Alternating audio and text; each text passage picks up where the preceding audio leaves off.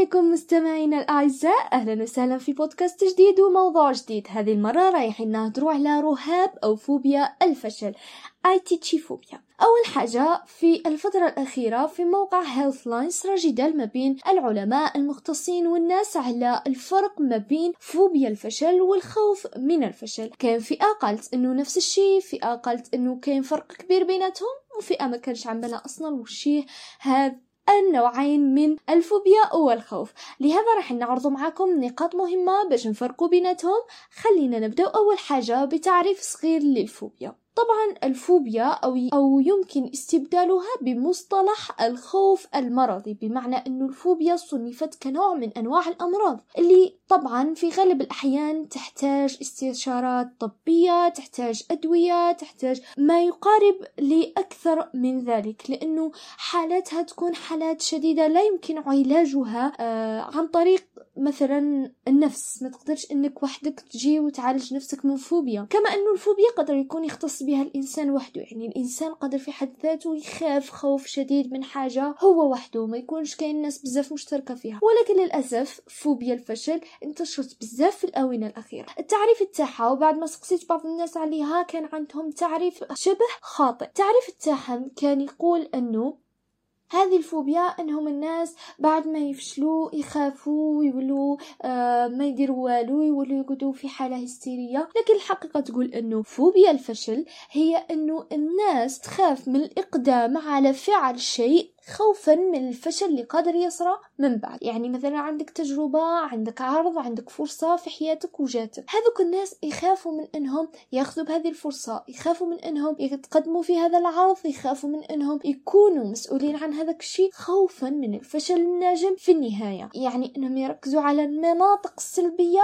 الأكثر في هذاك العرض أو الفرصة. فيهملوا الأعراض والجوانب الإيجابية مما يخليهم يعتقدوا أنهم راح يفشلوا ويخلي عندهم فوبيا من الفشل وتخليهم يضيعوا بزاف من الفرص في حياتهم. طبعا إحنا وش راح نديرو عملنا بلي أي حاجة عندها أعراض عندها أسباب وعندها طرق علاجية اللي يمدوها بعض الأخصائيين. طبعا إحنا راح نهضروا على الأعراض الخاصة بالخوف من الفشل أول حاجة. ومن بعد نمدو النقاط اللي يختص بها فوبيا الفشل وحده. باش نعرفوا كيفاش نفرقوا بيناتهم؟ ما يصرالناش اختلاط وما نقدروش نطلقوا على أي شخص إنه عنده فوبيا وما نقدروش نطلقوا على أي شخص عنده فوبيا ونقول له عندك برك خوف. يعني لازم نعرفوا الفرق باش نعرفوا كيفاش نفرقوا بين الناس والحالات اللي راهم فيها. أول حاجة راح نبداو بالأعراض. كما عم بالنا كاين أعراض فيزيائية وكاين أعراض نفسية. نبداو بالأعراض الفيزيائية واول نقطة من نقاط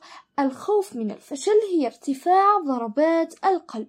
أي إنسان بعد ما تجيه فرصة في حياته رايح يخاف الخوف كيف ما كان يؤدي إلى ارتفاع ضربات القلب. عندك أنا ما باليش تخاف من الحشرات تخاف من الكائنات الحية الصغيرة هذيك الأفاعي وما إلى ذلك.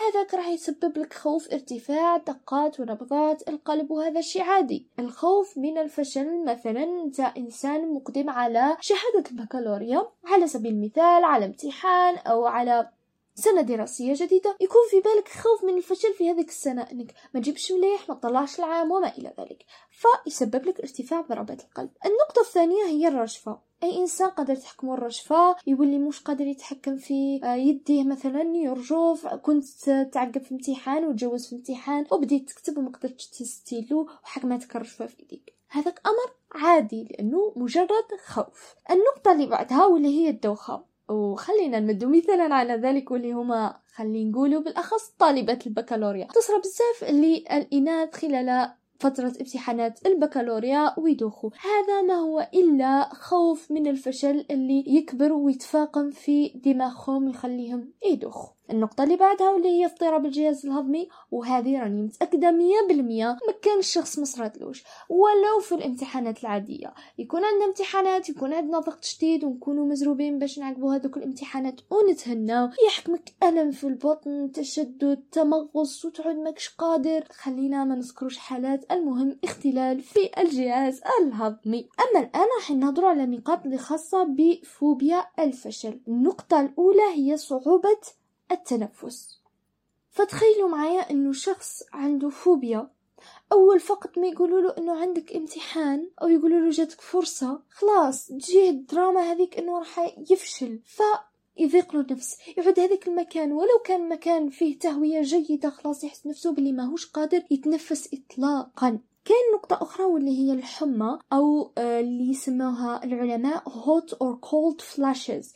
يعني يبدأ يحس بجسمه مرة تطلع له سخانة مرة يهبط مرة يولي بردان. يعني ما يعرفش الحالة اللي فيها وهذه دائما تكون ناتجة من الذعر الشديد. أما النقطة المشتركة بيناتهم هي التعرق. لكن التعرق في حالة الخوف من الفشل يكون تعرق عادي. يعني تتعرق تحس روحك تعبان ماكش قادر خاصة إذا كان عليك ضغط شديد وبقيت تخمم بزاف. est-ce que راح ننجح est-ce que مانيش حننجح est-ce que راح نفشل ونقدر على هذيك الحاجة ولا ما نقدرش فيسبب لك تعرق. ولكن فوبيا الفشل مجرد ما يذكروا قدامهم هذيك الفرصة اللي راهي جايتهم ولا هذاك الشيء اللي راح يقوموا به فيبداو يتخيلوا في الفشل يصير تعرق بشكل خيالي. كاين ناس تتعرق من الكفتين الأيدي كاين ناس تتعرق من وراء الأذنين. وهذه المعلومة اللي أنا في حد ذاتي حرت لما سمعتها وراء الأذنين لما تعرف روحك وبديت تتعرق من وراء أذنيك أعرف بلي راك في حالة ذعر شديد من الشيء اللي راهو أمامك. وبما أنه الأعراض تختلف من شخص إلى آخر كاين هذه النقطة اللي نلقاوها عند أشخاص وأشخاص ما نلقاوهاش عندهم واللي هي هاند كابين اللي هي الإعاقة الذاتية. وش معناها؟ معناها أنه هذاك الشخص اللي مصاب بالفوبيا يحبس مكانه ما يقدرش يتحرك ما يقدرش يحرك يديه ما يقدرش يتحرك يعجز عن الكلام يعجز عن الحركة. فلهذا هذه من أكثر الأعراض اللي تدل على أنه الإنسان مصاب بفوبيا. نروح الآن للأعراض النفسية. النقاط المشتركة واللي خاصة بالخوف من الفشل بالتحديد هي التوتر. الإنسان راح يتوتر لما يكون مقدم على فعل شيء جديد من نوعه أو أي أي شيء كان حتى ولو كان شيء اعتيادي كالامتحانات. أي شيء يخليه يبدل الجو والمود اللي يكون فيه يخليه يتوتر. وهذا الشيء عادي. النقطة الثانية واللي هي فقدان السيطرة. تفقد السيطرة على أفكارك. وهذا وش نقصدو به؟ أنه لما تكون عندك أفكار سلبية ما تقدرش تحبسها. ما تقدرش تحبس هذيك الأفكار اللي تقول لك قادر تفشل قادر ما تنجحش قادر ما تجيبش مليح قادر ما ديرش وغير ذلك. فما تقدرش تتحكم في هذيك الأفكار وتبدأ تتفاقم في راسك النقطة اللي بعدها واللي هي feeling powerless over your fear. وش معناها؟ معناها إنك تحس روحك ضعيف قدام هذاك الخوف.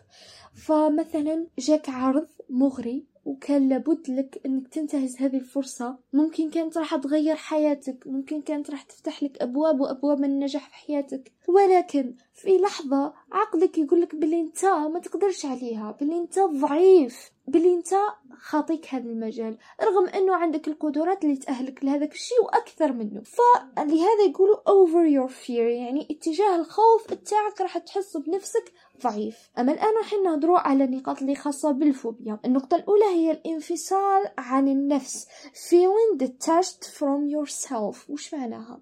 معناها تحس روحك منعزل بعض الشيء على نفسك. خلينا نقوله بالتحديد تحس بروحك فقدت المسؤولية اتجاه ذاتك.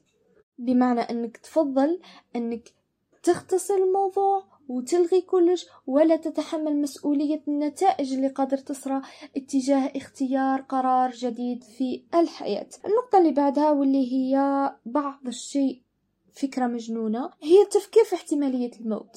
رغم أنه تكون فرصة سهلة فرصة يعني كل جوانبها لينة وظريفة خفيفة إلا أن الإنسان هذا اللي مصاب بالفوبيا تخليه يفكر في احتمالية الموت رغم أنه لا علاقة بالموضوع وهذه أهم نقطة اللي قادر تقول باللي راهي من النقاط اللي تدل باللي عندك فوبيا من الفشل.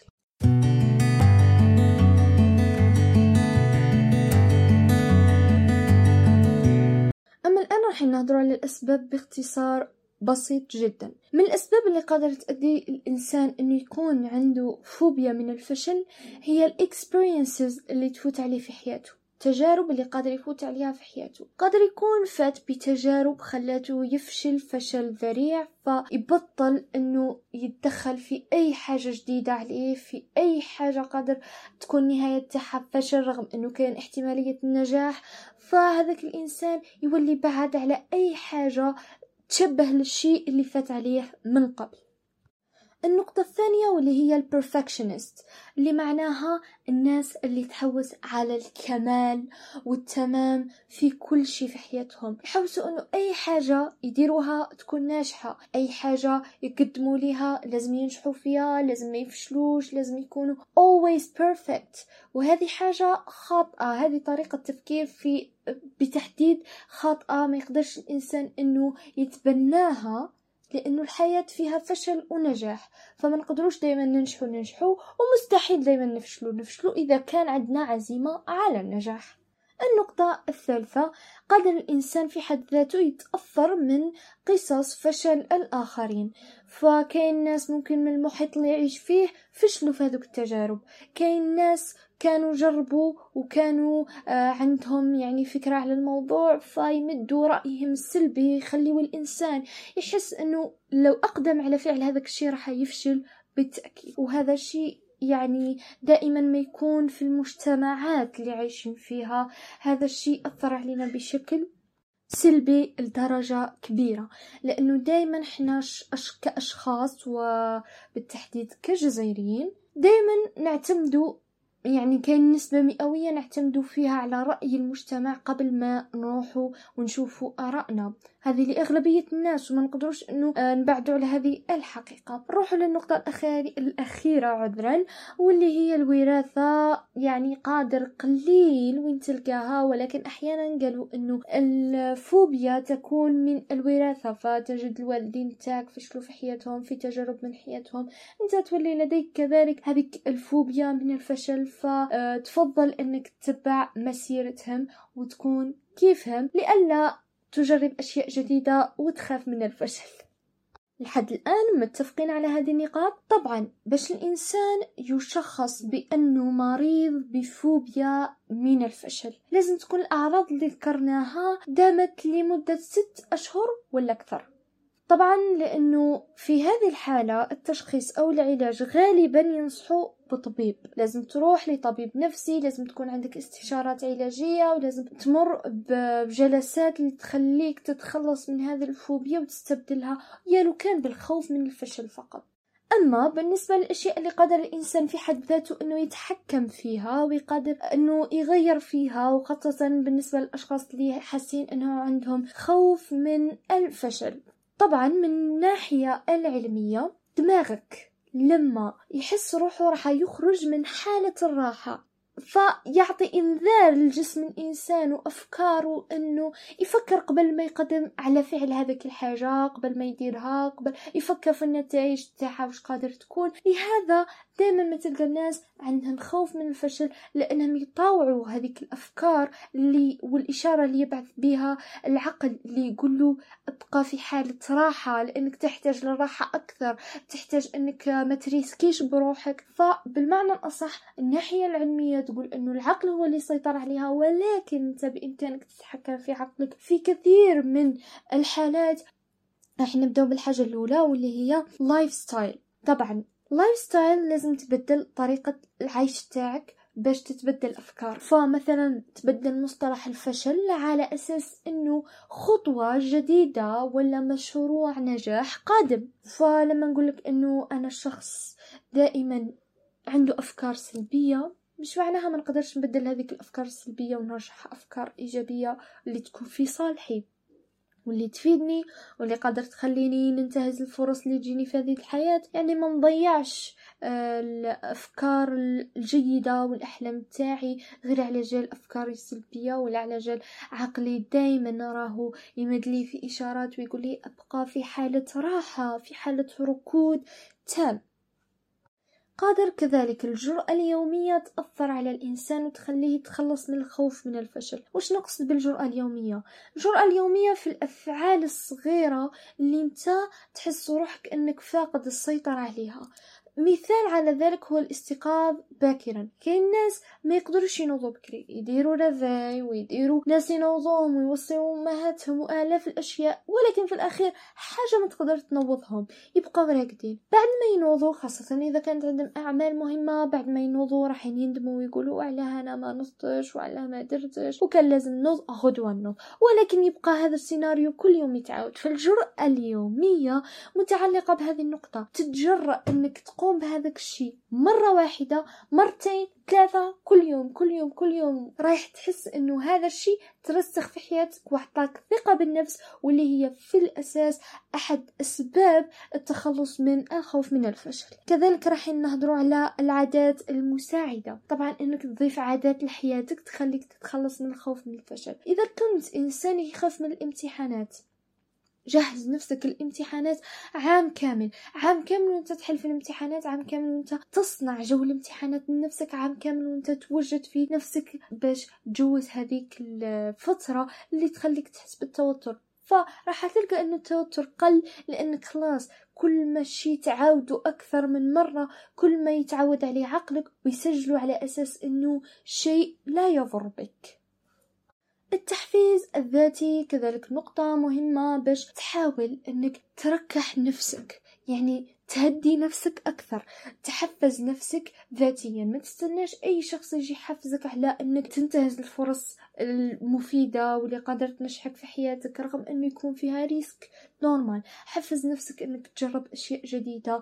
حفز نفسك أنك تعرف أنه الفشل دايما هو خطوة لنجاح أكبر. دايما حالة الفشل اللي نمر بها في حياتنا ما هي إلا الخطوات وما هي إلا المراحل اللي مر عليها النجاح الأكبر اللي راح نوصلوا له بإذن الله. طبعا كذلك مشاركة أحد الأشخاص النجاح تاعو. وش معناها هذه النقطة؟ واللي يعني ما تكونش في غالب الأحيان إلا إذا عرفت روح قادر عليها. شارك مع شخص ما في فرصة جاتو.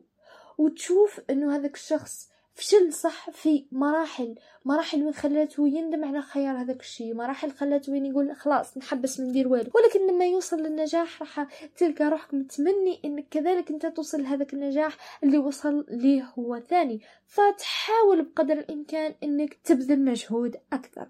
وآخر نقطة حابة نهضر عليها الاعتراف. لازم تعترف كشخص إنك عندك خوف من الفشل. أي شخص هذه الدنيا عنده خوف. لكن لازم تعترف بينك وبين نفسك إنك لازم تتخلص منه باش تعيش الحياة اللي تتمناها وتحقق الأحلام اللي دايما راك راكنها على جنب وتستنى تجي الفرصة المناسبة. الفرصة المناسبة هي الآن الوقت المناسب هو الآن اليوم المناسب هو اليوم. وما كانش لا بداية شهر لا بداية سنة لا. كل دقيقة في حياتك هي الفرصة المناسبة باش تبدأ وتحقق النجاح اللي تحوس عليه وتفشل مرة واثنين وثلاثة باش توصل لوين حاب. وذاك نقول لكم إن شاء الله تكونوا استمتعتوا وسلام!